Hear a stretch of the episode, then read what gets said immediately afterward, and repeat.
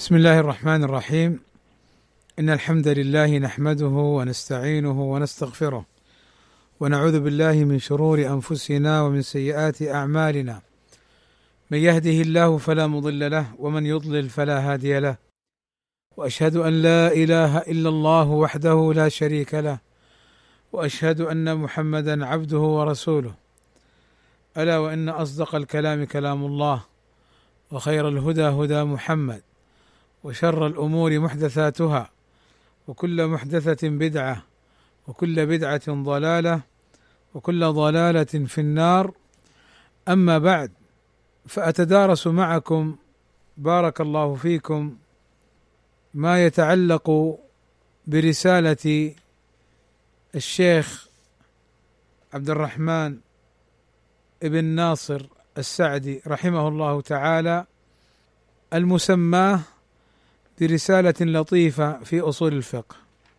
وكنا قد تدارسنا فيما سبق شيئا من ترجمة العلامة السعدي رحمه الله تعالى. وتدارسنا أيضا شيئا من منهج أو مميزات هذه الرسالة اللطيفة. واليوم إن شاء الله تعالى أتدارس معكم عشرة أمور يستحسن البداية بها والبدء بها قبل الدخول في أي علم وهي المسمى عند أهل العلم بالمبادئ العشرة أي عشرة أمور يبتدأ بها. وفائدة هذه المبادئ العشرة أن المتعلم يحصل له اطلاع وفهم وتصور لما سيتدارسه ويتعلمه ويتذاكره. وهذه المبادئ العشرة منظومة في قول القائل إن مبادئ كل فن عشرة الحد والموضوع ثم الثمرة ونسبة وفضله والواضع والاسم الاستمداد حكم الشارع.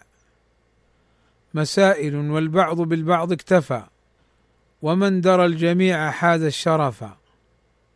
يعني عشرة أمور يبتدأ بها عند دراسة أي فن كأصول الفقه أو النحو أو علوم الحديث أو غيرها. الحد وهو التعريف والموضوع أي الأمر الذي يتكلم فيه هذا العلم ويبحث فيه. ثم الثمرة ما فائدة دراسة هذا العلم؟ ونسبة من أي العلوم هو؟ هل هو من علوم الآلة أو من من علوم الغاية؟ وهل هو من العلوم الشرعية أو من غيرها؟ وفضله يعني ما ورد في فضل هذا العلم الذي تذاكره وتدارسه. والواضع الواضع يعني أول من تكلم فيه وألف فيه وعرف به. والاسم يعني ما يكون لهذا العلم من أسماء. والاستمداد أي مصادر هذا العلم. من أين يأخذ مصادره وعلومه. وحكم الشارع أي في تعلمه. مسائل يعني الأبواب والمباحث التي يبحث فيها هذا العلم. والبعض بالبعض اكتفى أي أن بعض الشراح وبعض المعلمين اكتفى ببعض المبادئ العشرة. فقد يذكر التعريف والثمرة والفضل والواضع ثم يمشي مثلا. كل على حسب ما يراه لأن هذه المبادئ العشرة. ليس لازما تعلمها وإنما تحسن تعلمها كما سبق. ومن درى أي من تعلم وعلم الجميع أي المبادئ العشرة كلها حاز حصل الشرف أي الرتبة العلية. لأن من علم حج على من لم يعلم ومن علم ارتقى. فإن العلم درجات. كلما تعلم الإنسان ارتقى في العلم ولذلك تجد الجاهل ونحوه الذين لا يعرفون العلم يظن نفسه عالما وفاهما ويرجع لجهله ويحكم به على الأشياء فيقع في التخبطات ويقع في المزالق. بينما من تعلم فإن العلم بفضل الله عز وجل وبتوفيق الله عز وجل للعبد يكون إن وفق لذلك حارسا وحاميا له من الوقوع في التخبطات.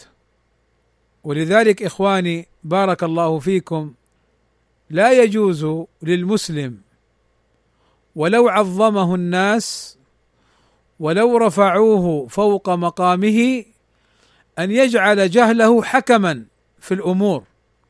فبعض الناس مثلا يأتي لبعض المسائل فيقول لا أعرف هذا لم يقع مثل هذا. هذا الأمر مثلا ليس كذلك. طيب هل هذا مبني على دليل؟ لا هو مبني على عدم علمه وعدم علمك بالشيء ليس بعلم. ولذلك العلم إخواني بارك الله فيكم أمانة وتقوى. العلم يا إخواني بارك الله فيكم ليس بالاماني وليس بالتمني ولا بالتحلي. الواحد جاهل لم يحصل له العلم الشرع المطلوب ثم يأخذ ويتكلم في مسائل العلم فيأتي بالتخبطات التي لا تصدر من عوام الناس بل تجد العامي إذا قيل له ما تعرف في كذا توقف وقال لا أدري لا أعلم. أنا ما ما أعلم. لكن بعض الناس مع جهله لا يقر بجهله ولكن يريد أن يرفع نفسه فيتكلم في دين الله بالتخبط. وهذا منهج ينبغي الحذر منه. فمن تعلم العلم تكلم بما تعلم. فقد كان الصحابة رضوان الله عليهم يتلقون العلم عن النبي صلى الله عليه وسلم ثم ينشرونه ويبثونه ويعلمون غيرهم بعلم وهدى ونور وتقوى من الله عز وجل. وهنا أنبه سريعا إلى أن المسلم إذا تعلم بما يسمع وبما يقرأ فقد تعلم وليس شرطا أن يكون على شروط معينة كالشروط التي تذكر في كتب طلب العلم وأن المسلم إذا ما سلك هذه الشروط فلم يسلك المسلك العلمي في تعلم العلم. وإذا نظرت إلى هذه الشروط تجد أن السلف يعني لم يفعلوها وبعضها تجد أنه لا دليل عليها. فاذا هي عبارة عن كهنوتيات وعبارة عن يعني أمور تشترط بلا دليل. فلذلك وقعوا في التخبط فوصف من ليس بعالم بالعلم. وسلب من تعلم العلم فنسب إلى عدم العلم. طيب نرجع مرة أخرى.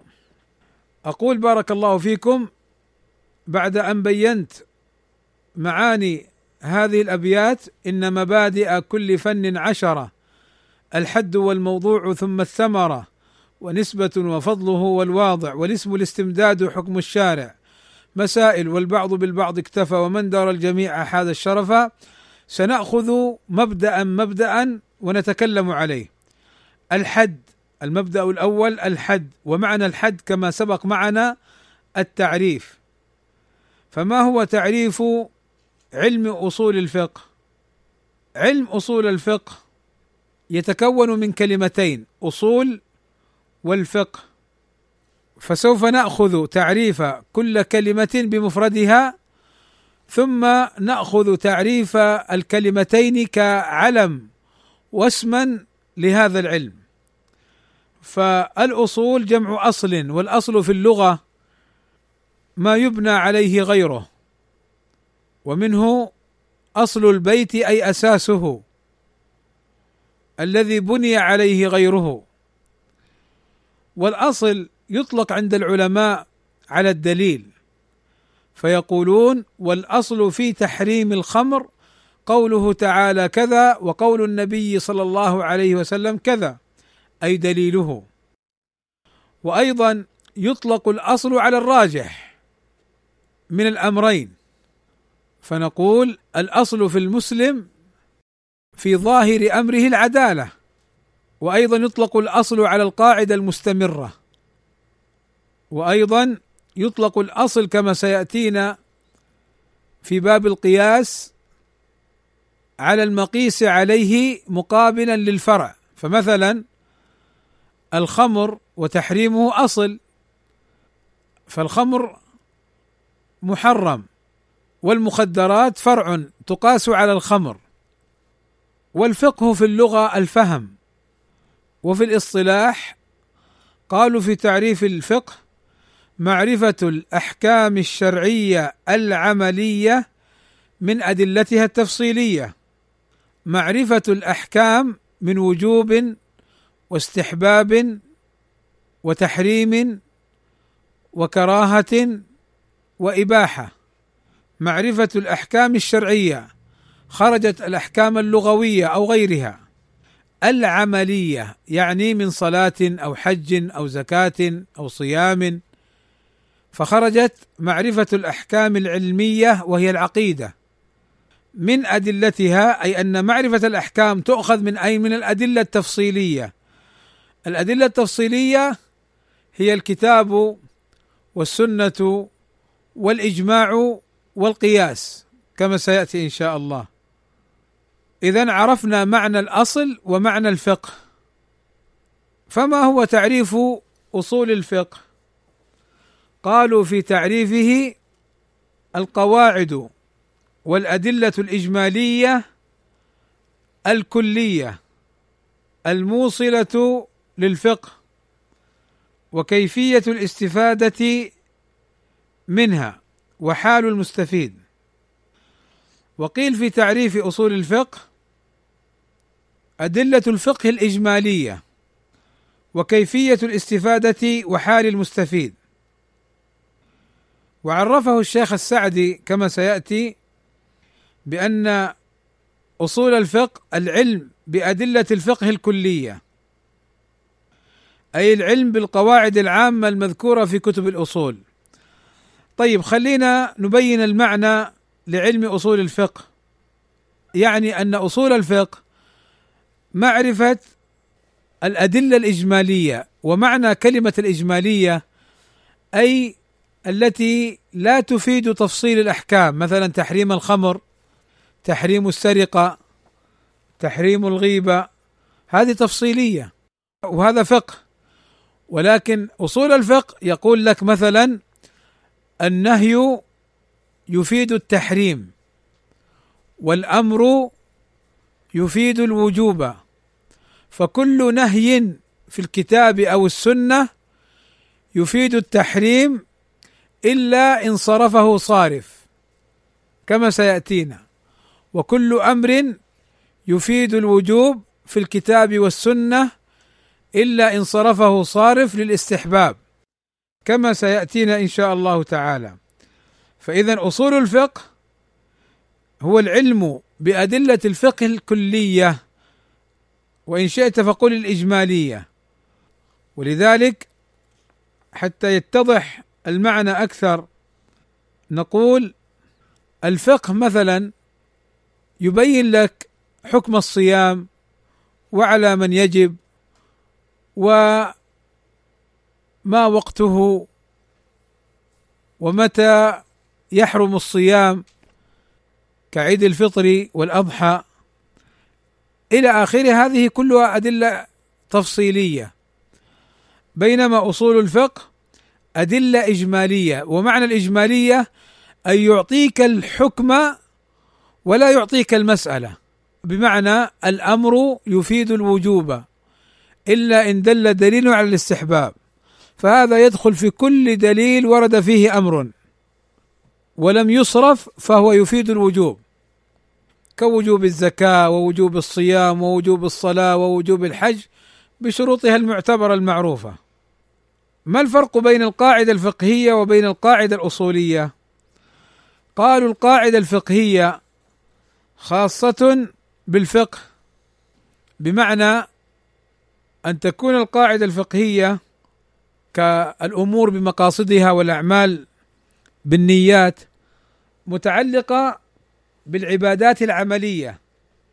بينما القاعدة الأصولية تدخل في الفقه فكل أمر يفيد الوجوب في باب العبادات أو المعاملات أو غيرهما وكذا يدخل في العقيدة.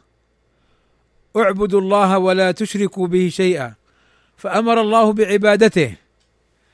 فاعبدوا. هنا نقول دليل فيه الأمر بعبادة الله وفيه النهي عن الشرك بالله عز وجل وكذا يدخل في الدين كله. هذه القاعدة الأصولية. القاعدة الفقهية يمكن أخذ الحكم منها لأنها كلية. فمثلا لما نقول لا ضرر ولا ضرار فهنا نقول كل ضرر يقع على الغير حرام. وأيضا مثلا نقول العادة محكمة. يعني عرف الناس إذا جاء في مسألة لا دليل فيها فإنه يعمل بالعرف كما سيأتينا إن شاء الله في محله. بينما القاعدة الأصولية لا يؤخذ منها حكم أي تفصيلي لأن القاعدة الأصولية مجملة إجمالية. أيضا قالوا القاعدة الفقهية تأتي بعد القاعدة الأصولية. فالقاعدة الأصولية اولا ثم تستخرج القواعد الفقهية. وأيضا من الفروق أن القواعد الفقهية متعلقة بأفعال المكلفين كما سبق. بينما القاعدة الأصولية متعلقة بالأدلة فكل دليل فيه أمر أفاد الوجوب دخل في هذه القاعدة. وكل دليل فيه نهي أفاد التحريم دخل في هذه القاعدة. اذا الخلاصة أصول الفقه هو معرفة أدلة الفقه الكلية الإجمالية. فالفقيه مثلا حتى يستدل المسألة الفقهية يحتاج إلى أصول الفقه.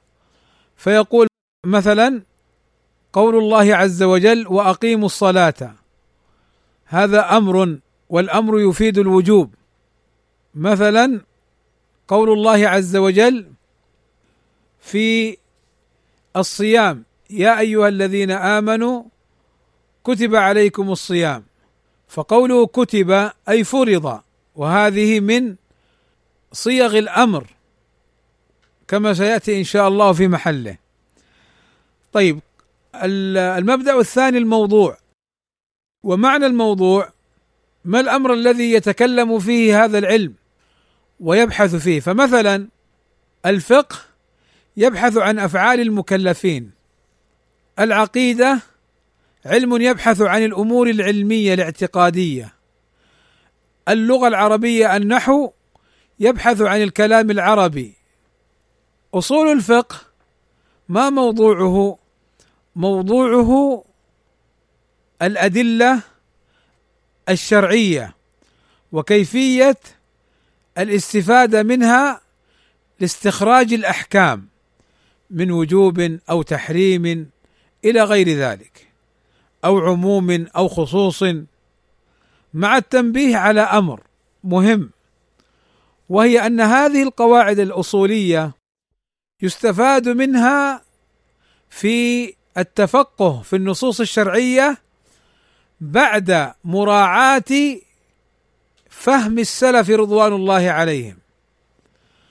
ففهم السلف للنصوص الشرعية مقدم على القواعد الأصولية الإجمالية لأننا كما هو معلوم أننا نفهم الكتاب والسنة على ضوء فهم السلف.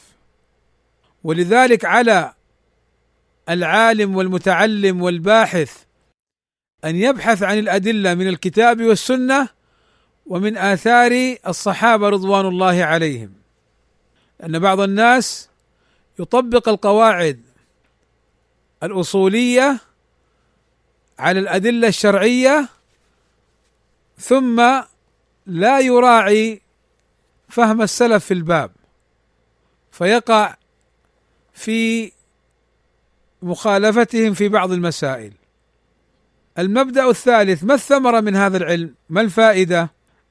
ثمرة دراسة هذا العلم أننا نتعلم من طريقه كيف نستخرج الأحكام. متى نقول هذا عام وهذا خاص هذا واجب وهذا محرم إلى آخره. وما هي طرق الاستدلال عند العلماء؟ ولذلك يقول شيخ الإسلام ابن تيمية رحمه الله تعالى المقصود من أصول الفقه أن يفقه أي أن يفهم مراد الله ورسوله صلى الله عليه وسلم بالكتاب والسنة.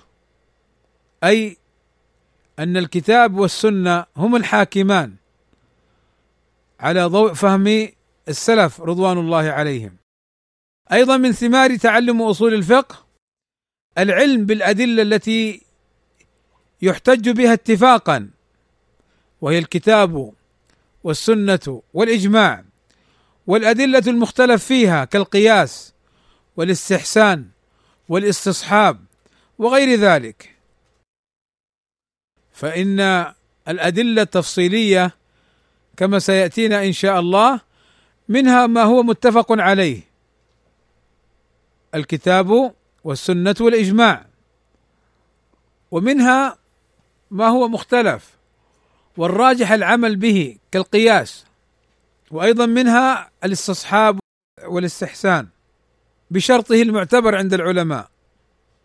أيضا من فوائد وثمار أصول الفقه أي تعلم أصول الفقه أن من عرف هذه القواعد الإجمالية وطرق الاستدلال وحصلت له المكنة والقدرة على ذلك فإنه يستطيع أن يستخرج الأحكام من الأدلة. أيضا من الفوائد تسهيل حفظ العلم. فمثلا بدل أن تحفظ المسائل الفقهية مسألة كذا واجبة مسألة كذا واجبة مسألة كذا محرمة وكذا وكذا من المسائل. لا في أصول الفقه الأمر يفيد الوجوب إلا إن دل دليل على الاستحباب.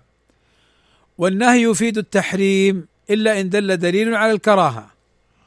فتعلم أصول الفقه يساعد ويسهل الحفظ للمسائل.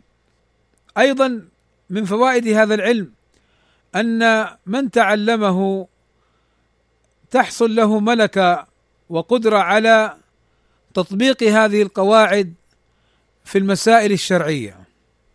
أيضا يحصل من تعلم هذا العلم أن المتفقه والاصولي ينضبط في فتواه فلا يفرق بين المتماثلات ولا يجمع بين المختلفات ولا يحلل مسألة ويحرم أختها يعني شبيهتها والحكم واحد في الظاهر. أيضا يحصل من طريق دراسة أصول الفقه معرفة أسرار التشريع مثل الخمر كيف أنه وقع في حكمه التدرج.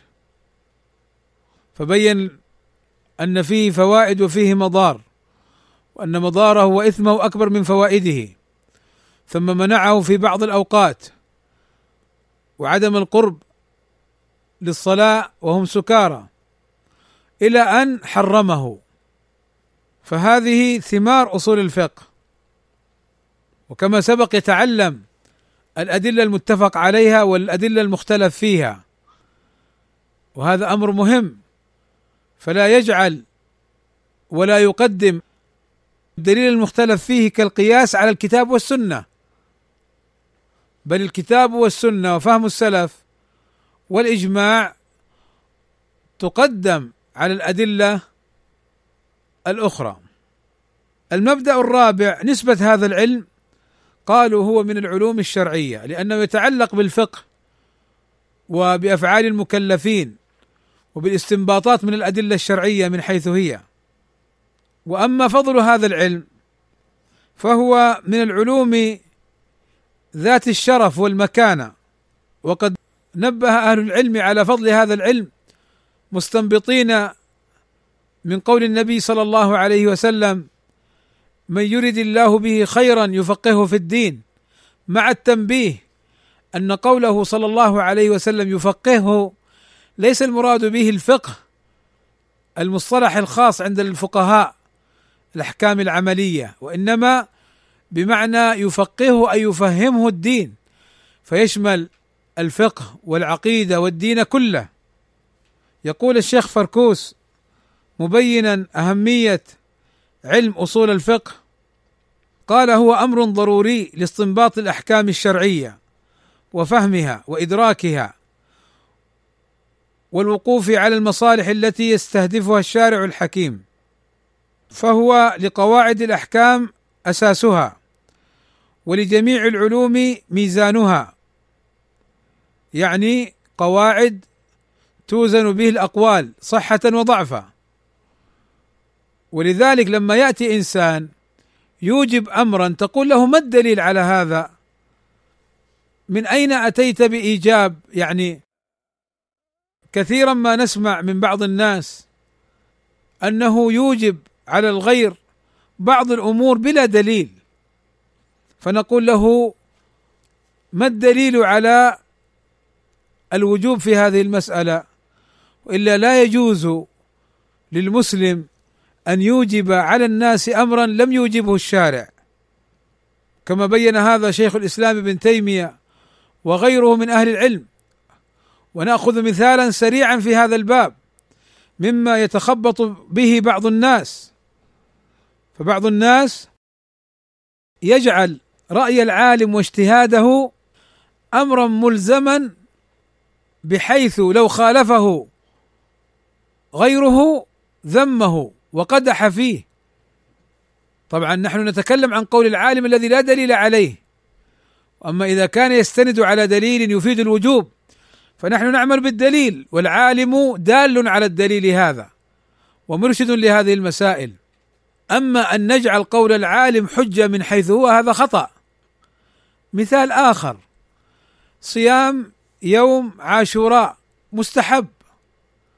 فتجد بعض الناس إذا وجد شخصا مفطرا في يوم عاشوراء ذمه ووبخه وكأنه ارتكب معصية ويأمر غيره بصيام يوم عاشوراء أمرا يعني كأنه يوجبه عليه.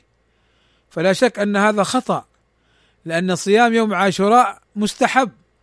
نعم هو فوت على نفسه أجرا عظيما ولكنه لم يقع في أمر محرم. وليس صيام عاشوراء بواجب. ولذلك بارك الله فيكم هذا العلم ميزان توزن به الأقوال.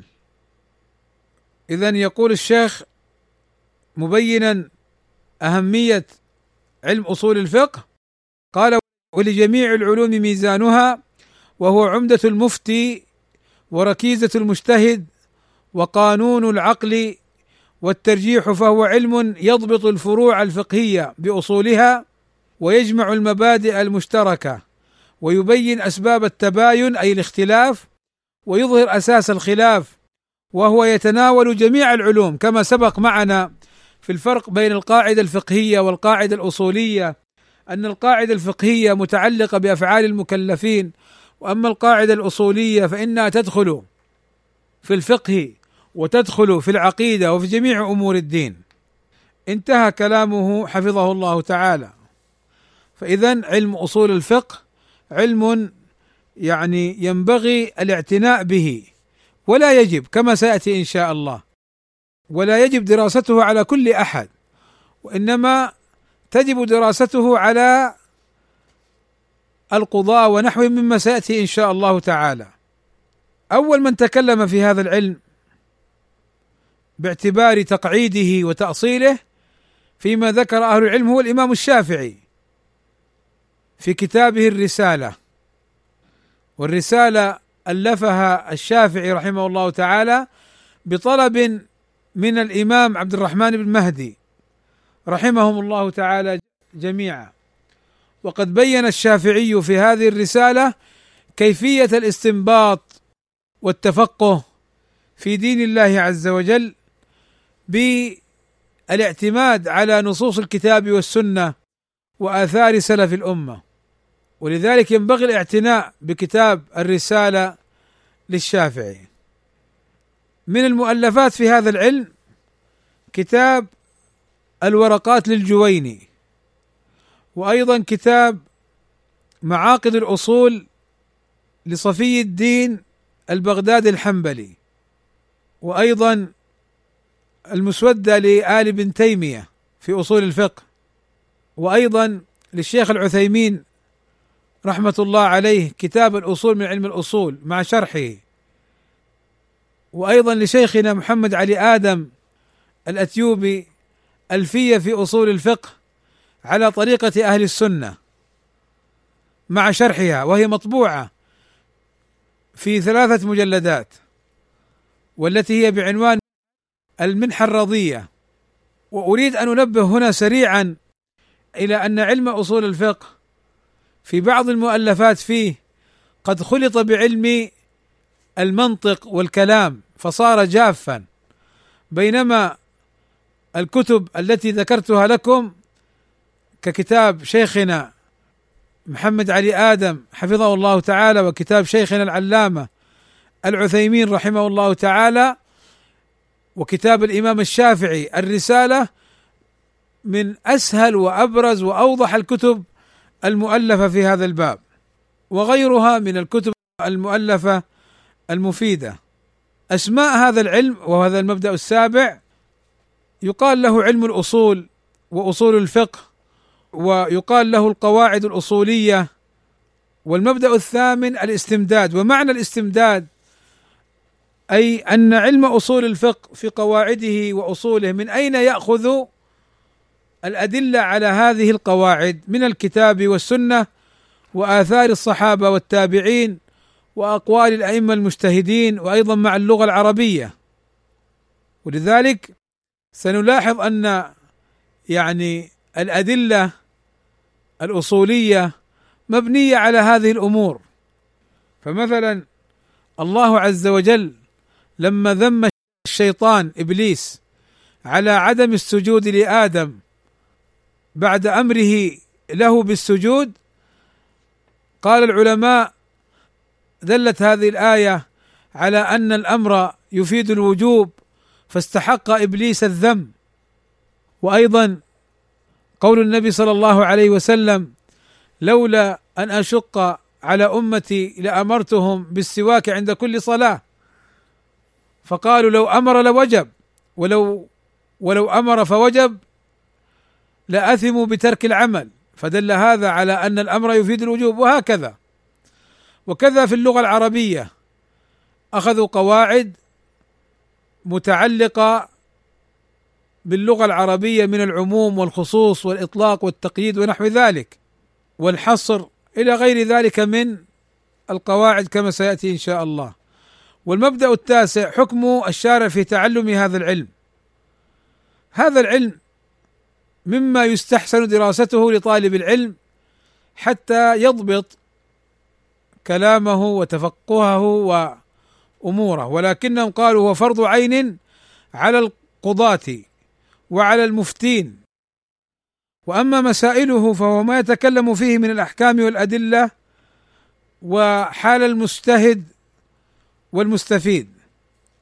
مسألة ذكرها الشيخ العثيمين رحمه الله تعالى.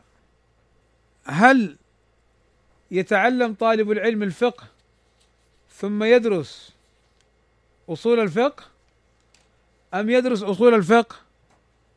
ثم يتعلم الفقه.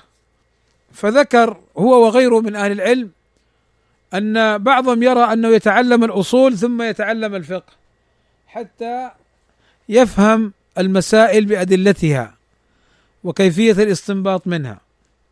وبعضهم قال إن تعلم الفقه ثم تعلم أصول الفقه فلا مانع. فاذا بارك الله فيكم. هذه عشر مبادئ متعلقة بالتعريف بعلم أصول الفقه. يحسن لمن شرع في دراسة أصول الفقه أن يستحضرها وأن يفهمها حتى يكون متصورا لهذا العلم. فنحن لما نتدارس علم أصول الفقه لا نتدارس المسائل إلا من باب التطبيق. فإذا قلنا مثلا الخمر حرام والمخدرات فيها معنى الخمر من الإسكار وإذهاب العقل والضرر فعلة تحريم الخمر الإسكار وهي موجودة في المخدرات ونحوها والحكم التحريم. فنقيس هذا على هذا فنقول المخدرات حرام. فاذا المسائل الفقهية تذكر في كتب أصول الفقه من باب التمثيل. ولعلي أكتفي بهذه المبادئ العشرة والتي أسأل الله عز وجل أن يجعلنا ممن تفهمها وأدرك معانيها. وأختم هذه الكلمة بالصلاة على النبي صلى الله عليه وسلم وعلى آله وصحبه أجمعين مع التنبيه على أمر. فهو بارك الله فيكم. نحن في هذا المعهد معهد الميراث النبوي وأعني بنحن أي جميعا المتكلم والمستمع الطلاب والطالبات المشرفون والمشرفات. نحن جميعا اجتمعنا لنتذاكر العلم الشرعي ولنتدارسه. فليس هذا المعهد لأجل الفتن أو لأجل نصرة أهل الباطل.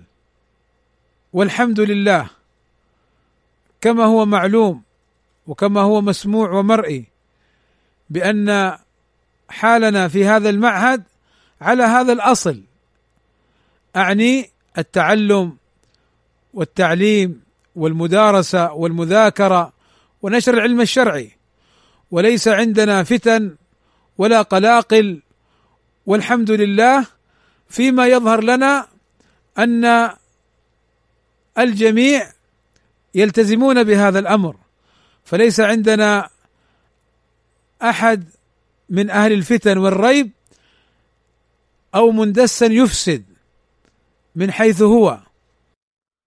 أما كون أنه قد يوجد بعض من فيهم شيء من الانحراف أو المخالفة نعم هذا قد يوجد ولكن نحن نتكلم فيما ظهر لنا. ومن يظهر منه نوع مخالفة أو انحراف فإن المشرفين والمشرفات جزاهم الله خيرا مباشرة يمنعون هذه الأمور المشرفون عند الرجال والمشرفات عند النساء. فهذا هو المراد. أما أن يأتي إنسان ويقول بأن المعهد فيه مندسون وفيه وفيه وكأنهم يؤثرون على المعهد فهذا بلا شك طعن مبطن لا نرضاه. لإخواننا وأخواتنا ولا نرضاه على أنفسنا وعلى القائل أن يتقي الله عز وجل فيما يقول. وفرق بين أن نقول أنه قد يوجد ممن لا نعلمهم وبين أن أن يقال بأن هؤلاء المندسين أو هؤلاء المخالفين لهم تأثير على المعهد أو تأثير على الطلاب والطالبات. فلا شك أن هذا الثاني طعن مبطن وباطل من القول. والحمد لله تواصلي مع المشرفين جزاهم الله خيرا في هذه الأمور باستمرار من جهة أن من أظهر أي أمر فيه انحراف أو مخالفة أو كذا أو كذا أننا نسعى اولا لإصلاحه ونحاول معه وإرشاده فإن يعني حصل منه استجابة لا نطرده وإنما يكون تحت الملاحظة. فإن استمر على الأذية يتم استبعاده لأن مثل هؤلاء الذين يظهرون الباطل يستبعدون. ولم نؤمر بالتنقيب عن قلوب الناس ولو طعن في المعهد. بأن فيه مندسين غير معروفين فإن هذا طعن في جميع الناس. وصف جماعة ما بأنه قد يكون فيها مندس أو كذا هذا قد يوجد. كما ذكر النبي صلى الله عليه وسلم البطانتين. لكن ما دام أن البطانة الصالحة هي التي تعمل وهي التي بعد أمر الله في يدها زمام الأمور لا يجوز الطعن أو التحذير جزافة هكذا أو المراوغة في الكلام بتصوير هؤلاء كأنهم هم الأصل أو هم المؤثرون. فنرجو أن لا يلتبس الأمر وأن لا يتمادى بعض الناس في مثل هذا الأمر ونسأل الله أن يغفر لنا جميعا وأن يصلح أحوالنا وصلى الله وسلم على نبينا محمد وعلى آله وصحبه أجمعين والحمد لله رب العالمين.